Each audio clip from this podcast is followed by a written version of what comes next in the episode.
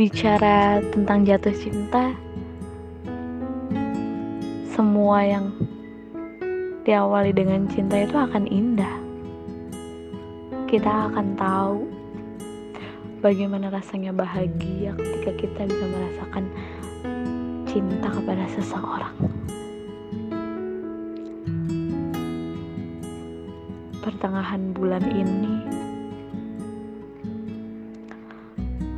ya, aku merasakan itu. Setelah sekian lama, aku tidak bisa merasakan jatuh cinta lagi pada seorang yang beda. Aku selalu gagal terhadap apa yang aku inginkan karena ekspektasiku sendiri.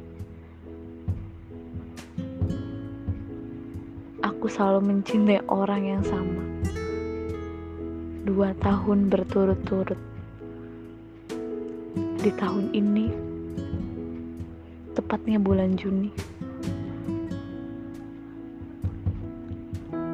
aku tersadar bahwa ada seseorang yang membuat aku jatuh cinta dan aku merasa aku sangat bahagia ketika aku bertemu dengan dia.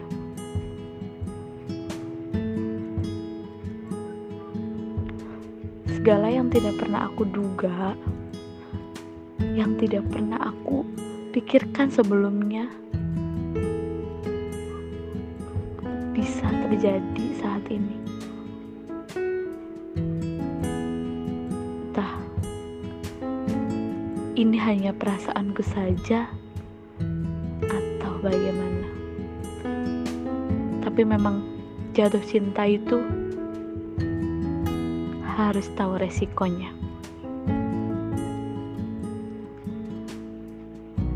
Ketika kita sudah memulai semuanya dengan cinta, kita harus bisa mengendalikan diri kita sendiri. Ketika kita, ketika orang yang kita sayang, ketika kita, orang yang kita cinta tidak bisa mencintai kita kembali, resiko itu selalu ada, dan kita harus pegang itu. Jatuh cinta gak semudah apa yang kalian lihat ketika traumamu terlalu dalam dalam hubungan percintaan yang dulu bahkan berapapun orang yang datang di hidupmu kamu tidak akan bisa menerimanya. Karena traumamu yang begitu dalam. Tapi ketika masa traumamu sudah hilang dan kamu menemukan seseorang yang membuatmu nyaman dengan segala sifatnya, sikapnya dan apa yang kamu suka dari dia kamu bisa menangkapnya itu semuanya akan hilang trauma itu. Ya bisa jadi aku adalah seorang burung yang baru terlepas dari sangkarnya yang aku terbang dengan sayapku bahwa aku tuh sudah tidak mau mengekang hidupku lagi dengan rasa trauma-trauma yang aku alami. Aku mencoba untuk menyukai orang lain. Biarlah biarlah aku yang merasakan bahagia ini. Biarlah aku yang bisa memeluk diriku dengan jat rasa jatuh cintaku ini kepada sosoknya biarlah dia nggak tahu keberadaanku. Sungguh